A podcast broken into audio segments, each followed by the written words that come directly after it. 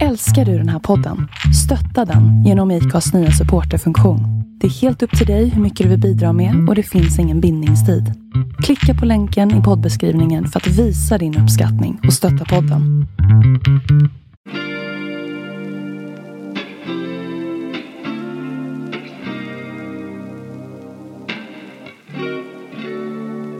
Hej och välkomna till eh, Svengelska.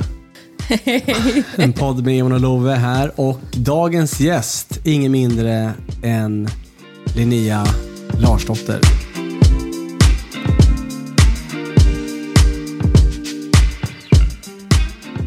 alla dessa dagar som kom och gick, inte visste jag att det var livet.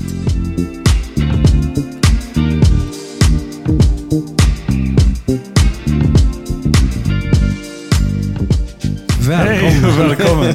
Hur känner du? Känner du in, liksom, insatt i ett hörn där? Det känns... Vi ändrade lite um, Möbleringen här. möbleringen här. För det kändes, det känns finare att ha vår gäst framför fina draperier. Och, Nej, men. Jag känner mig lite grann som så här kunglig. Mm. Med mitt lilla det känns hår. inte som att vi... Nej, det känns bara skönt. Man får se det positiva. Ja, skitbra. Hur mår du? Jag mår toppen. Jag mår toppen. Tack så mycket. Ja. Vad kul du att du är här. Mår du också bra? Jag mår, jag mår jättebra. Ja, Ja. Hur har dagen varit för Linnea? Dagen har varit ehm, bra. Bra. Fick lite sovmorgon, ovanligt men väldigt välkommet. Um, stack över till en skådespelarkompis, coachade honom i ett par timmar inför en audition. Um, träffade en regissör och sen tillbaka till samma skådeskompis för att filma hans audition och nu är jag här. Ah, cool. Alltså, vilken, alltså så här, ändå så här, eh, börjar väldigt lugnt men ändå lite, lo, lo, lät ändå späckad eh, dag på något vänster. Samtidigt som den lät lugn så lät den intensiv. Men, eh, men kan du inte berätta lite så här kort för oss, vem är Linnea Larsdotter? Åh, gud. Ja, just det. Den är alltid svår. Um, Linnea Larsdotter. Mm. Här i New York eller i livet? Vem är jag? Välj fritt. gud. Ja, gud ja. Fritt. Fritt. Um, jo, men alltså professionellt yrkesmässigt äh, så är jag skådespelare och filmproducent och driver Nordic International Film Festival och ähm, sysslar i största allmänhet, allmänhet med mycket inom konst och film och teater och tv. Så det gör jag professionellt. Och sen, vem är jag som person? Linnea Larsdotter, jag är hon, en liten skåning. liten skåning som kom hela vägen till New York och äh, är allmänt um, en slags healthy mix av fokuserad och förvirrad konstant. I, I like that. Ja. Det är bra. Mm. Jag kanske gillar det för att det funkar på mig också. det är bra. Okej, fint. Kommer från Skåne sa du. Mm. Var, vart i Skåne? Jag är från Smygehamn, Okej. den allra mest sydliga punkten av Sverige. Ja, det är det. Ja, det är det. Okej. Mm. 2000 människor sådär. Jag har aldrig hört. Säg det en gång Det är till. det absolut sydligaste. Alltså. Ja, Smygehamn. Det ligger också. Smygehuk. Ligger, det är med, Ah, Smygehuk känner man De sitter till. ihop. Varför känner man till Smygehuk? För att det är den sydligaste punkten av landet. Smyger på en lite grann sådär. ja, smyger på Ja, en. fy fan vad tråkigt. Göteborgs humor vi har. Eh, torrt. Så torrt. torrt. Okej, ehm, så du är från de södra delarna. Och hur var det att växa upp i, i, i Skåne? I Smygehamn? Ja, men gud, alltså man uppskattar ju ingenstans man är ifrån förrän man flyttar därifrån i stort sett. Mm. Ehm, men det var en otroligt trygg, trygg och lugn och liksom i många ögon säkert en väldigt idyllisk uppväxt om man tittar rent liksom objektivt. Sen så är det alltid svårt tycker jag. Om man växer upp i ett litet samhälle, alla känner alla. Um, jantelagen är ju tung att bära om man då är någon person som kanske redan i en ganska ung ålder hittar liksom in i konsten och sånt så är det inte kanske världens lättaste att vara i ett litet samhälle på det sättet. Mm. Hur, och hur hittade du in i, i konsten och sådär? Vad, vad växte du upp i för familj? Mm, Väldigt konstinriktad. Väldigt, alltså, i, mina föräldrar hade ju väldigt stort konstintresse, även om inte de arbetade med det. Um, pappa är gitarrist och mamma sjöng i kör, alltså byggnadstekniker. Så den, det fanns alltid med. Och det var liksom självklart att man skulle gå in i konsten på något sätt. Så jag började ju träna, eller gå så här, fiollektioner och balett alltså som fyraåring. Ah, och sen så var det liksom, ja, ja men du, det är klart du ska jobba inom konsten. Mm. Så det var ganska självklart, Det- men svårt, en industristad och allt sånt. Ja, det är klart. Ja, det, så det kom ganska naturligt. Jag vill höra lite mer om Skånetiden. Så vad, vad, vad hände i, mer i din liksom, Skånetid av livet? Liksom? Du gick skolan där, studerade eh, fram tills, hur gammal då? Alltså jag bodde i mitt föräldrahem ända tills jag var 22 när jag flyttade till Spanien. Eh, Men innan dess så gick jag då gick teatergymnasium, Trelleborg, tre år. Sen så gick jag teaterkurser, inte utbildning utan kurser inne på Malmö universitet. Um, ett par år, eh, läste samtidigt scenografi på Lunds tekniska högskola i Lund. Och jag har ju ett jättestort sidointresse som är medeltid och vikingatidshistoria. Oh, wow. Så jag läste på arkeologen och teologen samtidigt och har plockat på mig rätt så mycket. Och jobbade du, jobb, fick du jobba någonting också när du bodde i, i Lund? Och när du höll på att plugga film och skådespeleri och hela den biten, fick du, kunde du även få liksom praktisera det som man säger? Um, ja, då jobbade jag som showartist. Um, min lärare på min musikalutbildning som jag gick då, och just det, det hoppade jag över, jag gick musikalartistutbildning i Malmö. Ah. Um, eller förberedande kan man säga. Då jobbade jag med min lärare där, Jonas Hedqvist. Han var Mr Gay Sweden, som det hette då. Och då jobbade jag med honom som backup dancer och sångare. Ah, Okej. Också väldigt roliga Ja, år. det, är- det vad-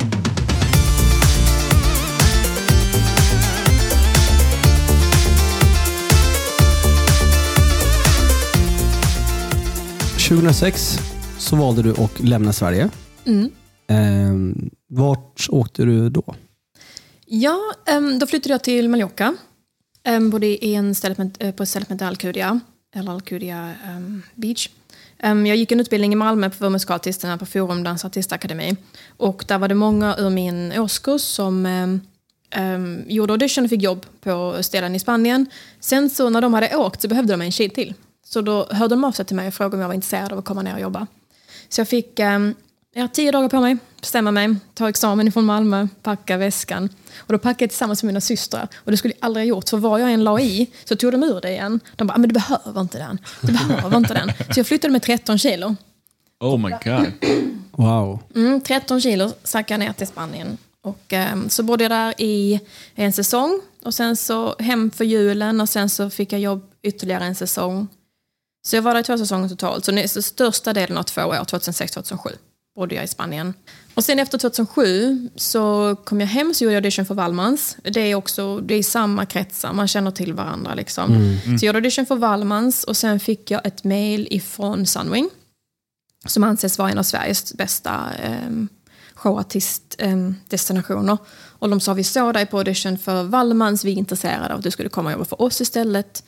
Kan du tänka dig det? Jag bara, men Sunwing var ju drömmen. Liksom. Så Mm, det ehm, var dit alla ville. alla ville antingen Sunwing eller To Entertain, de la uppe där. Okej. Ehm, och ehm, då fick jag tillfälle att eh, nämna att jag skulle gärna vilja ta deras Thailand Resort. Eftersom jag hade inte varit i Asien men hade stora Asienplaner och ville jättegärna till Asien. Hur gammal är du här? Bara Åh gud, snabbt. 24. 24. Mm, fyller 25 i Thailand. Så jag flyttade när jag var 22. Men min mamma gick bort när jag var 20. Så jag tror att min resa iväg när jag var 22 tror jag hörde väldigt mycket med att göra med att frigöra sig från den delen av vem jag var, vad är, vem är jag nu, liksom, vad händer i nästa kapitel av livet. Liksom. Så det var 22, sen 24 till Thailand, fyllde 25 där. Sen hem till Sverige över vintern. Det här var rätt fantastiskt. Hade, Thailand var fantastiskt men man tjänade inte mycket pengar. Det var liksom inte riktigt syftet heller. Vad menar upplevelse kanske? Ja, men exakt, alltså man fick ju... En erfarenhet. Ja, och jag skulle inte byta det mot något. Nej. Men jag kom ju inte hem med något direkt sparkapital. Nej. Så jag fick låna bekanta sommarstuga och bo där över vintern och den var ju inte isolerad. Alltså, det var svinkallt och jag minns att jag eldade upp massa gamla ex-fotografier för de brann på väldigt trevlig temperatur. Så att det var fantastiskt så återbruk. Liksom.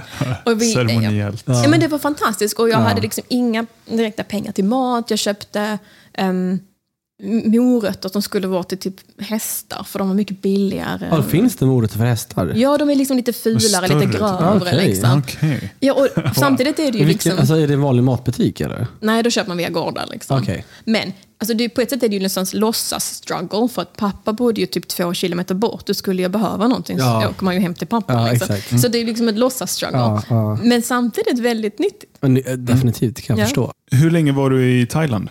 Nio månader. Jag åkte dit i april, bodde där, och sen så stannade jag i Asien till oktober, gjorde en liten backpacking-sväng därefter. Och sen så kom jag hem till Sverige i december. Och sen eh, mm, bodde jag i den här lilla stugan. Jag tänker så här, ska vi köra vårt segment snabba frågor? Det tycker jag låter som en väldigt bra idé. Ja, jag var rädd jag blev. Vi kör.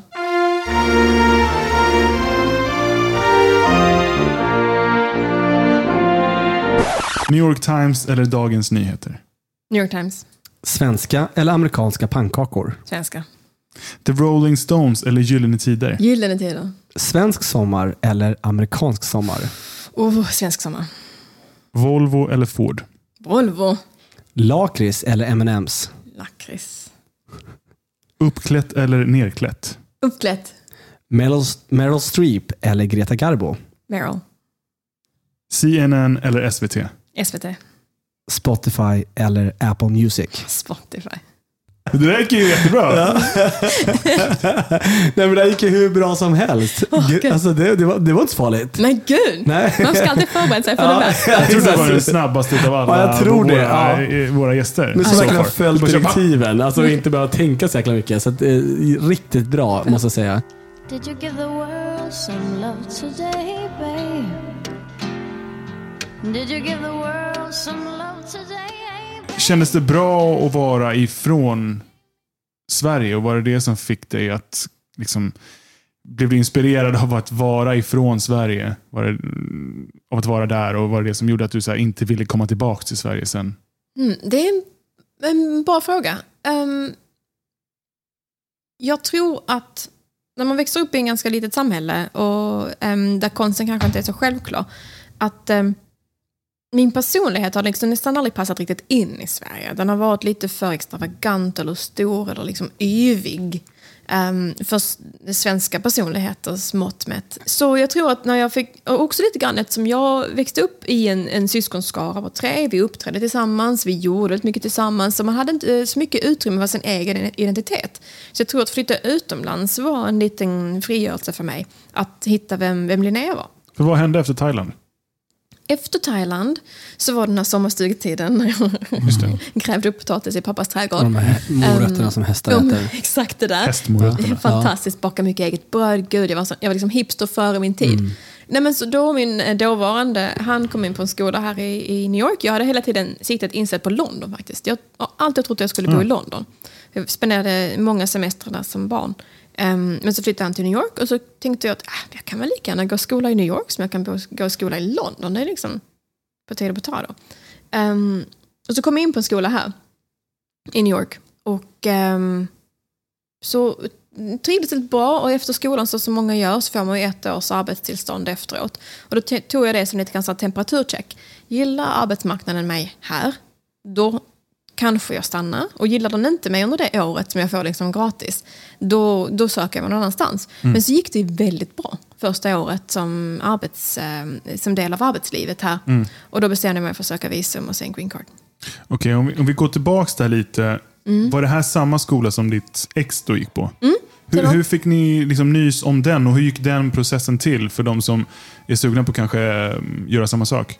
Eh, mitt ex ehm, sökte till New York Film Academy för att gå kursen som heter Acting for Film. Och jag vet inte riktigt hur han hittade den. Utan det, he- om jag ska vara helt ärlig så tror jag att det är den första som dyker upp när man söker på filmskola i New York. Så Just tror jag det. att de helt enkelt har top Google search. Va, vad hette den? Sa vi det? New York Film Academy. New York Film Academy. Och sen gjorde jag audition för dem och bestämde mig i sista sekund att inte göra acting for film utan göra musikalteater. Ehm, och kom in, fick eh, scholarship och så gick jag två år eh, på NIFA. Och musikalprogrammet är fantastiskt. Fantastiskt. Sådana fantastiska lärare. Eh, De flesta rakt ut från Broadway eller fortfarande på Broadway. Typ så här, jag måste gå tidigare för vi har en tidigare curtain idag. Liksom. Ehm, och jobba, det jag gillade med min klass var att vi var väldigt hårt arbetande. För jag har liksom inte tid för bullshit. Alltså jag är där, nu ska jag lära mig, jag ska få ut det mesta av de här dollarna som jag spenderar. Ehm, väldigt bra klass, hög ribba. Ehm, Väldigt dedikerad. Och jag tror att det hjälpte jättemycket. Att vi alla jobbade så fruktansvärt hårt. Alla ville hela tiden imponera på varandra. Ehm, så det var ett bra gäng, jättebra gäng. Så tog jag examen där. Och, ehm, många av mina mm, före detta professorer har ju blivit mina både kollegor och vänner efteråt och har, har senare bokat mig till att göra shower och sånt. Så att jag är ju otroligt tacksam för mina två år på NIFA. Um, och sen så ut i arbetslivet, ut och göra audition med alla andra. Uh, jobbade som musikalartist under ett tag, alltså gängse skådespeleriet, innan jag började liksom lite grann ta karriären i egna händer och producera och sådär. Just det. När du kom in på New York Film Academy, Mm. hade du ett visum eller får man ett visum automatiskt av att komma in på skolan? Jag tror man söker, om jag minns rätt, det är många år sedan nu, jag sö- man söker studentvisum, så går man till ambassaden i Sverige och får ehm, ett studentvisum i passet. Så först så söker du skolan, får den godkänd Ja. och sen åker du till den amerikanska ambassaden i, i Stockholm Mhm. och ansöker om ett studentvisum. Exakt. Och då, det. det. finns, jag, återigen, jag tror inte det finns väldigt få anledningar att man inte skulle få det. Nej. Men jag kan inte sitta här och säga att man ska garantera det. Ja. Var det skolan som lockade dig eller var det staden som lockade dig? Alltså, helt ärligt, inget av det. För att jag åkte hit eh, på grund av kärleken. Ja. Um, och hade inte alls som planer på att bo i USA. Ehm, men det blev ju väldigt bra. det, det ändå. Och jag trivdes väldigt bra, ganska snabbt i stan. Och jag hade fantastiska um, klasskompisar och lärare. Så att så fort jag kom in och hittade min egen lilla community så trivdes jag väldigt bra. Mm. Hade du varit i New York tidigare? Nej, jag hade aldrig varit i USA överhuvudtaget. Och hur kändes det? Minns du känslan när du satte ner foten på JFK? Alltså jag tror det känns ganska surrealistiskt. Um, men nästan till lite obehagligt. För att det var den största staden jag varit i. London är ju en storstad också, men det är inte samma, den har inte samma arkitektur som är så här uh, överdådig på något sätt. Um, nej, det kändes nu lite, alltså nästan lite obehagligt. Och sen så, in, första lägenheten var ju så här riktig New York story. Um, en, en jätteuppdelad lägenhet i Lower East Side. Um, där någon landlord bara hade smält upp innerväggar inuti. Det bodde en massa konstigt folk.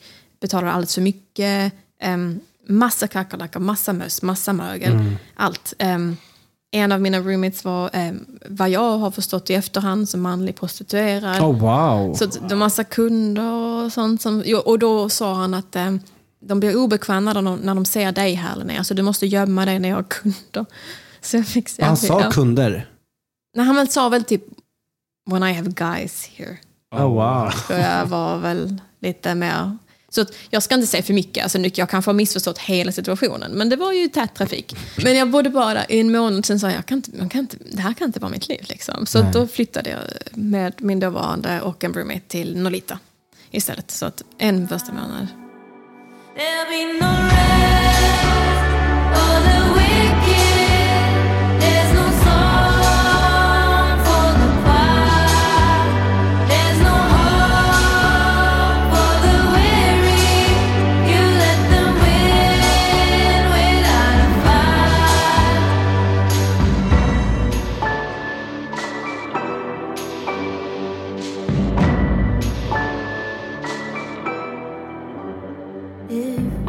Älskar att jag blir lycklig. Vad är det här för låt?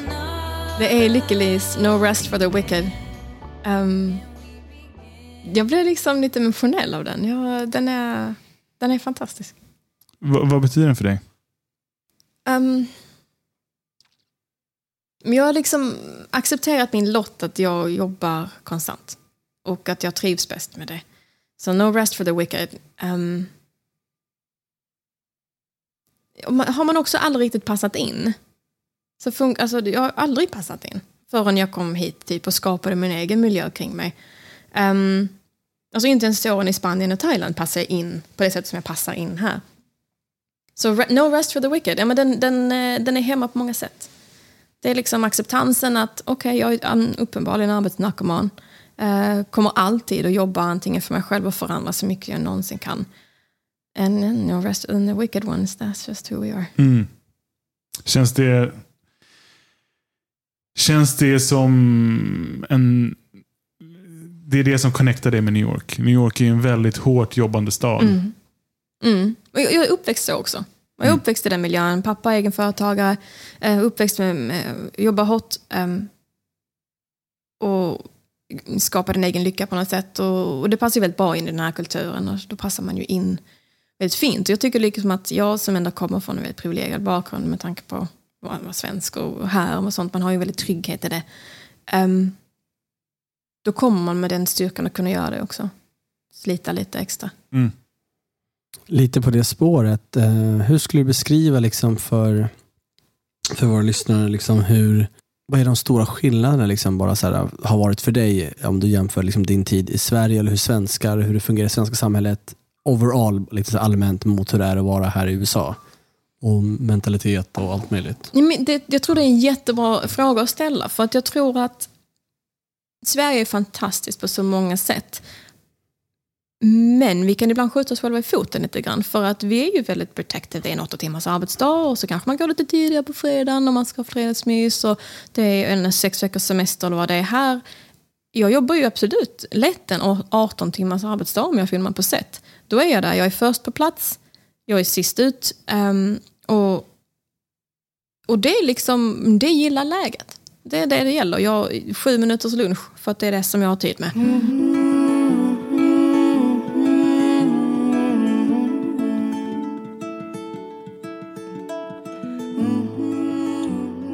Ehm, så idag, nu har du varit här sedan 2009 10. Um, vad sysslar du med idag? Idag, um, Skål. förutom... Skål, Ove. Skål. Um, för idag, alltså, utom, förutom min skådespelarkarriär, som är lite grann sin egen en, um, entity, den, den rör sig på sin egen sort of sphere, så driver jag ju um, Nordic International Film Festival, som är en nordisk uh, uh, filmfestival som är baserad här i New York. Vi är på vårt uh, sjunde år, um, där vi um, visar nordisk film här, men även amerikansk eller internationell film. Och vårt syfte är att bygga eh, lite grann en, en kulturell bro mellan de här två eh, regionerna. Så att nordiska filmskapare får en internationell publik. Men även att internationella filmskapare upptäcker hur vackert det är att filma i Norden. Så det är där vi försöker eh, jobba och har varit ganska framgångsrika så här långt. Så just nu är det det som tar upp absolut mest av min tid. Men så driver jag även ett produktionsbolag som heter Changing Film Productions tillsammans med min för detta. Han är mestadels Europabaserad just nu så jag driver mer den amerikanska marknaden och så sköter han lite mer administrativt via Europa för det funkar ju ganska bra. Um, och sen eh, min, mitt nyaste kapitel är en, en ny sort multimedia studio som heter Frauhaus Studios som jag startar med tre andra svenskar som är mer, um, lite mer eklektisk, mycket mer konstinriktad produktionsstudio. Kul, det känns ju som att du har många bollar i luften som vanligt och Ja. eh, hä- händer och eh, händerna fulla. Det är lika bra. Alltså, det är lika bra. verkligen. Verkligen. Och som, ehm, som jag nämnde innan, liksom, är, som jag coachar skådespelare och sånt också, så även under Frauhaus Studios kommer coachingen ligga. Och kommer, det är en roligt nytt kapitel där, det är att jag kommer ha en skådespelarklass som är bara för producenter och regissörer. Så att de som Spännande. jobbar med skådespelare får lära sig hur det känns att vara på andra sidan, så att de Ja. kan göra sitt jobb bättre. För de som inte vet, då, vad, vad är Nordic International Film Festival? Eh, Alltså, och vad är en filmfestival? Mm. En filmfestival är ju en, en, en hyllning till filmen. Det finns lite olika varianter. Det som vi gör och som många av de stora gör är att man visar eh, icke släppta filmer. Så att har den gått på bio så kan man inte se den på festivalen. Då har den liksom diskvalificerat sig själv. Så man kommer till festival för att se helt ny, fantastisk film. Ehm, och så väljer vi ut, vi, vi på NIF får ett ja, x antal hundra filmer per år. Så väljer vi ut mellan 25 och 35 filmer som vi tycker håller måttet. Som vi också tycker passar in i vårt tema. Eller um, passar in i vår alltså arc som vi kallar det. Liksom. Vi vill ju att skulle man sätta sig och titta på samtliga filmer i vårt program ett år så ska alla kännas cohesive och att de hör ihop på ett visst sätt. Mm. Så det är en filmfestival. Så hyllar man film och så har man lite paneler där man får höra om intressanta ämnen. Till exempel hur kan man göra en, en film set sustainable? Hur funkar det med gender equality, diversity? Ehm, det finns jättemycket och det försöker vi ta tillfället i akt och utnyttja att vi har en plattform och um, se till att filmskapare runt om i hela världen kan få tillgång till information som kan göra dem mer inclusive, sustainable, whatever. Mm.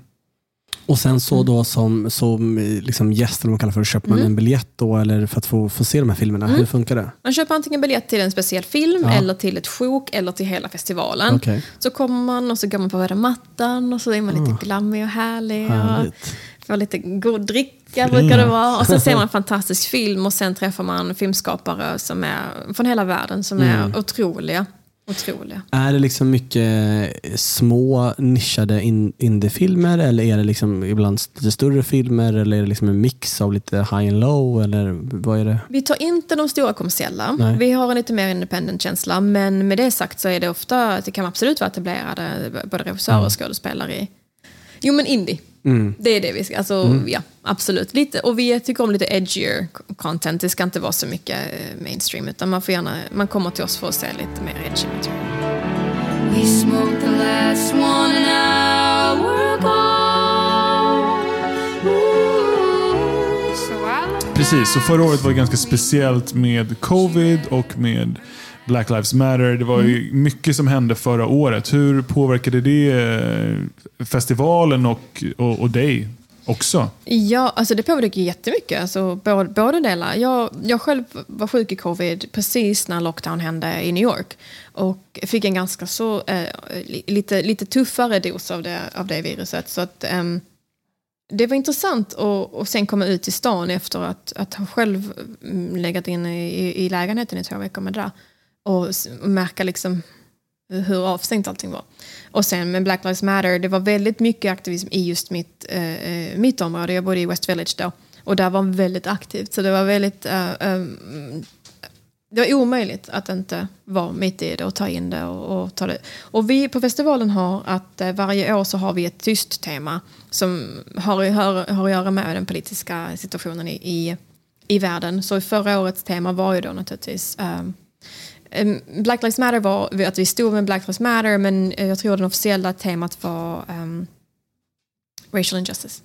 För då får man med ehm, alla möjliga begrepp som kan eh, samlas under det. Och det var väldigt viktigt för oss att vi ville vara tydliga med att särskilt som Norden ibland kan anses vara en ganska homogen grupp ehm, så var det väldigt viktigt för oss att, att stämma Black Lives Matter. Ehm, och sen då med covid så fick vi naturligtvis tänka outside the box ganska så rejält för att vi fick inte ligga i, vi fick inte ha våra biovisningar. Och vi ville inte heller bara ligga på nätet så vi ehm, gjorde en drive-in, eh, en stor drive-in eh, istället nere i Brooklyn. Classic American Drive-In. Ja, och det var ju fantastiskt. Jag har aldrig varit på en själv någonsin. Så att min första drive-in upplevelse var på min egen festival. Det är Ah, coolt. Ja, och- Men var det första gången? Ja, jag har aldrig varit. Oh, wow. Men det var Men jätteroligt. det är fantastiskt. Ja, det var fantastiskt. Och jag kommer ihåg när vi hade premiärkvällen. Jag hade en jättevacker så här vintage paljettklänning. Jag bara, men gud det är för mycket. Herregud, det är för mycket. Så jag ska ha paljettklänning tänkte jag. Ingen annan kommer vara så här glammig. Men sen så kommer jag ihåg precis kanske tio minuter innan bilen kom. Jag bara, fuck it, it's my festival. Och tog Ja, på mig den 100%. glammiga klänningen. Och så Ah, åkte vi och så coolt. körde vi. Ja, det var fantastiskt. Slutsålt. Ja, det var fantastiskt. Ah, vad Jag är roligt. så Vad glad. kul. Men Det var måste, för jag, jag skulle komma till premiärkvällen, men då började det regna. Då, Vind. Ja, det var vind. Ja. Ja. det blev något oväder. Av vind då får de inte lov att sätta upp skärmen längre. Ah, så då det. fick vi dra i nödbromsen och sen så här, ja, men det, allt fick flyttas en dag. Och då visade ni, vilken film var det ni visade som premiär? Och det här ska vi faktiskt säga, det här var väldigt ovanligt eftersom det här var ett år som inte eh, var som alla andra. Normalt sett visar vi ju ingen film som är släppt, men i fjol så visade vi Midsommar, eh, Ari Asters Midsommar. Eftersom den har svensk koppling, eh, eftersom vi bara kunde visa en film så ville vi inte visa de filmerna som tävlade, för det skulle bli orättvist att visa bara en. Så vi ville hålla alla tävlande i, på ett ställe, vilket var online, och sen så visade vi en fysisk screening av något som inte tävlade. Precis, vi kan ju fortsätta lite, på, lite grann på det spåret bara. Vad, vad tar du med dig från förra året, från 2020? Det känns som att många har lärt sig mycket om sig själva. Vi har pratat mycket om att vi har börjat ja, men så här, jag har börjat meditera och jag vill också meditera. Och man, man går inåt ganska mycket och lär sig mycket av sig själv, eh, om sig själv. Vad har du tagit med dig från, från det föregående året? Mm, men 2020 var ett ganska omtumlande år. Jag hade kommit ur en ganska lång relation i 2019. Ehm, flyttade till en egen studio i Greenpoint under 2020, mitt i pandemi. Um, omdefinierade ganska mycket av mig själv under det året. Vilket, alltså lite grann kom liksom jag och världen om det, definierades på samma gång. Um, jag började med poesi. Kul. Ja, det, alltså jag, jag älskar det. Jag började med poesi. Det har alltid funnits ett intresse kring poesi för mig. Men aldrig riktigt haft någon anledning att skriva själv. Men så um, i 2019 så gjorde jag en pjäs i Columbus, Ohio. Och då träffade jag på, um, alltså virtuellt, en poet som heter Amy Turn Sharp. Och hennes poesi förändrade mitt liv. Känner jag. Hon är en fantastisk poet. Och under pandemin så började hon hålla workshops på nätet. Och jag bara, nej vad fan, liksom, jag provar. Jag, alltså jag kommer antagligen vara skitdålig, men vi provar. Och sen så hittade jag en helt plötsligt en helt ny konstform där. Och ehm, skriver nu alltså nästan dagligen poesi och public- har blivit publicerad under året. ehm, och utvecklade också en väldigt fin vänskapsrelation med denna poeten Amy Turn Sharp. Så nu skriver wow. vi ju till och med en långfilm tillsammans. Nej. Jo. Wow, otroligt. Jag har sagt det förut, men det är en, New York lite grann i ett nötskal vad det tar Mm. en. Ofta, känner jag. Om man Ja. vågar säga ja. Ja, men Be open. 100 procent. ja. Ja, alltid. Alltså, men verkligen, alltså det, det, fin- det är så, verkligen möjligheternas stad. Alltså, allt kan verkligen hända Mm. om man bara, alltså inte bara säger ja, men också är open-minded. Alltså när man går på gatan och bara liksom är öppen till att möta en, Mm. en blick eller öppen till att liksom ta den där liksom extra pausen eller bara fråga någon hur den mår. Eller liksom, Mm. Och faktiskt lyssna på och svaret. faktiskt lyssna på svaret. Liksom. Mm. Och därmed det är verkligen det är så mycket, för man vet aldrig vem som vem som liksom kan vara den nästa personen som man gör ett samarbete med. Alltså aldrig någonsin. Ehm, en person som jag lärde känna för många år sedan sa, jag vet inte om jag sagt det på den innan, men han sa en sak som jag tycker är jätteintressant. Han sa, det jag gör nu, det avgör min framtid. Mm. Och det är rätt, faktiskt rätt intressant om man tänker efter på det. Liksom. Jag det, det. jag gör nu, det avgör min framtid. Att tänka efter liksom att så här, always be respectful. Liksom. Var alltid respektfull till människor, var Mm. alltid snäll. För du vet aldrig liksom heller att en dag så kan det vara om, omvänt. Liksom. Den personen som du möter i kassan någonstans Mm.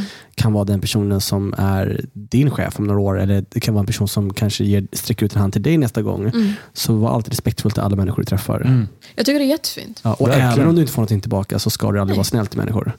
Mot människor eller med människor. Det finns också den här, eh, det finns en, en gammal dikt, jag tror att poeten heter Jan Johansson, men jag ska låta det brasklapp på den, som skrev en kort dikt som min mamma ofta sa när hon var lite ledsen. Och det var alla dessa dagar som kom och gick, inte visste jag att det var livet. Mm. Mm. Och det tror jag att den kan man ta med att sig också. Ja, jag har tatuerat delar av den på, på, på, på, Mm. på min vad.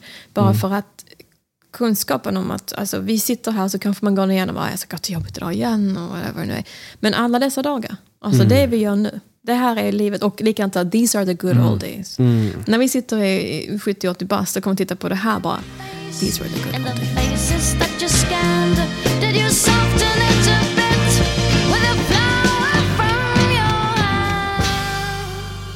Vad är det som ändå, liksom, vad i New York är det som ändå fått dig att stanna i New York? Mm. Du, den där hade haft ett annat svar för två år sedan vad den har nu. Mm. Eh, nu, eh, där jag är exakt idag, eh, jag har hittat en helt fantastisk community i Brooklyn med mina uh, Frauhauskvinnor. De bor på um, gångavstånd. Det finns, de finns i min vardag. Jag kan gå hem till dem, jag hjälper dem med deras barn när det behövs passas. Man smittar över till varandra på middag. Ehm, den communityn jag har hittat där, um, särskilt eftersom jag hade ett, ett, en stor sådan, eh, liv, livsförändring här om året. Um, hade jag inte haft den communityn så vet jag inte om jag hade stannat. Um, men nu känns den så otroligt självklar. Att um, mitt community i Brooklyn, Mm. lite trassligt svar känner jag. Trassligt. Men så Nej, jag, tror jag, jag har min community här. Jag känner mig Ja. hemma här. Jag har dels folk som jag kan känna är på nivå över mig. Där jag känner att jag väntar på att, att en hand ska komma ner och dra mig upp dit. Och samtidigt som jag kan göra exakt det på folk som är kanske på en nivå under mig. Där jag kan sitta och, och dra upp folk till den plattform jag finns på just nu. Känns New York som den staden som du vill fortsätta bo i? Eller kan du se dig själv bo på andra ställen i USA eller i andra länder också? Alltså jag tror jag är nomad. Jag tror min själ är en nomadsjäl. Jag tror, jag binder mig inte någonstans, men just nu så ser jag inte någon annanstans där jag bor. Jag letar hus i Sverige. Jag vill ha en Skånelänga i, i Sverige så jag kan komma hem, andas, sitta. Jag har mina syskonbarn i Sverige som jag längtar efter alltid. Jag har en väldigt nära relation med dem, vilket jag är väldigt tacksam för, även om jag bor på andra sidan jordklotet. Ehm, men karriärsmässigt just nu så finns det ingen annanstans att vara. Och vad är det då, från den frågan till en annan, vad är det som driver dig här i, Mm. i USA och i New York? Jag tror att jag har många historier som måste berättas. antingen mina eller andras. Och eh, i den yrkesroll som jag har valt så har jag möjlighet att göra det. Så jag kan antingen vara en megafon till de som inte har en. Eller i de få tillfällena som jag vill ha dem själv kan jag använda den till mig själv och berätta de historier som jag tycker är viktiga. På vilket sätt har du tänkt att du vill göra det? Alltså inom filmbranschen, om, jag, om en historia kommer till mig. Jag har, en, ehm, jag har ju många personer som, som finns kring mig som har intressanta historier, antingen från sina förflutna eller som är helt fiktiva. Som jag känner att jag kan vara ehm, den som ser till att det här når ut i världen. Eller så har jag mina egna som jag, vill, som jag känner finns en, ett um, möjligtvis intresse där ute att lyssna på dem. Mm. Jag tror det är viktigt. Jag tror det är viktigt att man är en... eh, Alltså, Duplassbröderna är en stor inspiration till mig. Och de har en fantastisk sak där de sa be the cavalry.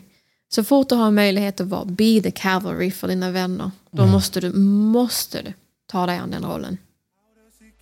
Det tycker jag är viktigt. Every day I'll find some new way to grow. The time we spend together. Nu, cirka 12 år senare, vad önskar du att du kände till för 12 år sedan som du känner till nu? Om New York och livet här. Ja. Jag önskar att jag hade lite tidigare ehm, helt enkelt tagit saken i egna händer. För att i många år så ehm, ehm, jag sprang på, liksom, jag kunde göra 30 auditions på en månad. Liksom, många open calls, Broadway. ehm, men sen så insåg jag att eh, dels den typen av skådespelare jag är eh, passar sig bättre i en min, alltså mer nischad kategori. Jag kom, alltså om jag skulle göra Broadway ehm, så kanske de inte riktigt ser exakt min fulla potential för att de har inte plats för mig. Um, man, man är immigrant, man, det finns många saker som inte kanske skulle kunna vara exakt vad de behöver. Cook, som är cookie cutter, stir the blonde from the left. Liksom, och den har ju aldrig riktigt varit min grej. Um, så jag önskar att jag hade kanske kunnat ta kontroll över det tidigare än vad jag gjorde. Och en liten följdfråga till det. Liksom, vad hade det, finns det något du hade velat säga till eh, jag menar, en person som kanske har tankar på att flytta till eh, USA eller utomlands men kanske inte riktigt vågar? Eh, eller kanske inte... Alltså bara så här, vad, vad är det bästa tipset du kan ge till den personen? Oh. Och som också kanske vill satsa på skådespeleri eller vara i, inom den branschen. Mm. Ehm, det finns ett jättefint svenskt uttryck. Jag tror jag har pratat om, om det, om det förr. Alltså, här, kasta hjärtat och hoppa efter. Kör. Kasta hjärtat, hoppa efter. Du behöver inte veta. Du behöver inte veta om det ska funka. Du behöver inte veta om du ska lyckas. Du behöver inte veta. Det är bara kör. Bara kör. För att alltså, vi, ingen av oss vet om det funkar. Alltså, jag, vet, jag vet att någonting jag gjorde igår funkade idag. Jag har ingen jävla aning om det som jag gör idag kommer funka imorgon. Bara kasta hjärtat. Hoppa efter.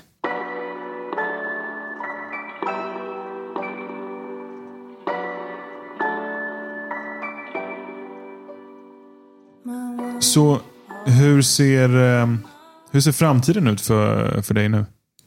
Vad har Oh. du för framtidsplaner? It's so bright I gotta wear shades. Um, sorry, I just had to. Um, nej men jag är så taggad. Jag är så taggad på framtiden. Jag känner att jag är i ett helt nytt kapitel av livet. Um, jag ger mig själv utrymme och tid att berätta mina stories. Alltså poesin, mina manus. Um, även i de, alltså jag, där, jag finns, där finns utrymme för mig på ett helt annat sätt nu som jag är väldigt, väldigt taggad över.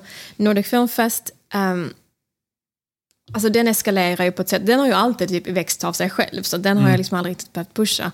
Men jag, det, det är ett sånt diffust svar, men det så är det ju alltid i konstnärsyrken att det bara känns så jävla bra.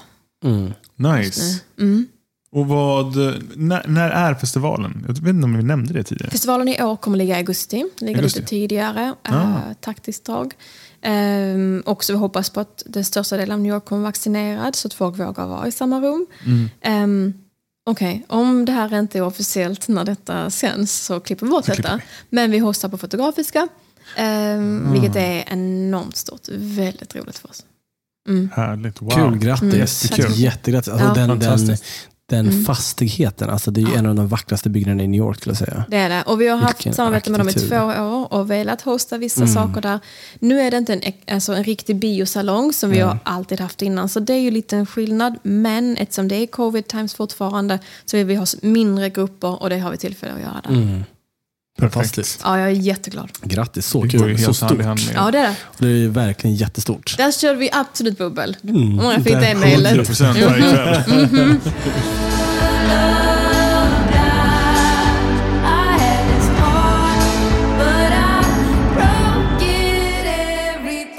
Finns det någon svensk person som du skulle rekommendera oss att intervjua i den här podden och någon specifik fråga du skulle vilja att vi ställer till hen?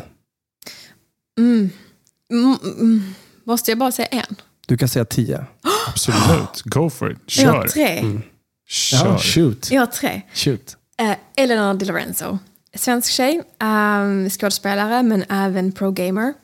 Uh, jätterolig. Uh, alltså hon, hon, är, hon är en, en gem. Um, eh, kommer ga- garanterat inte vara en barnvänlig podd när hon um, är här för att hon she just can't contain herself.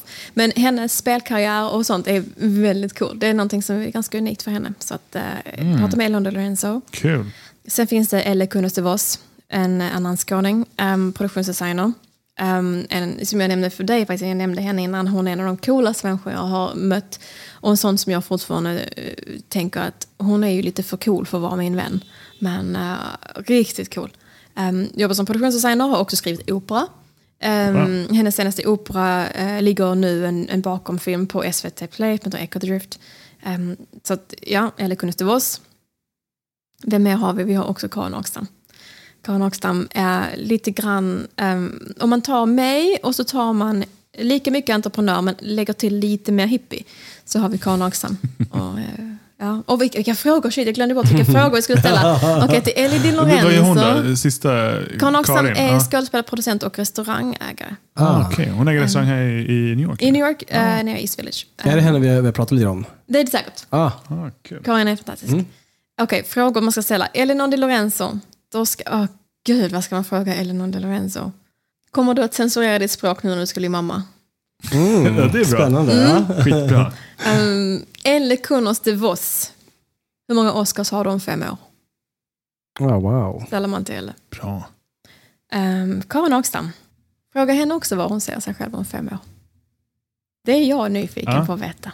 Ja, absolut. Finns det någon fråga du känner att vi borde ha ställt till dig? Åh, oh, gode gud. Mm. Ja och nej.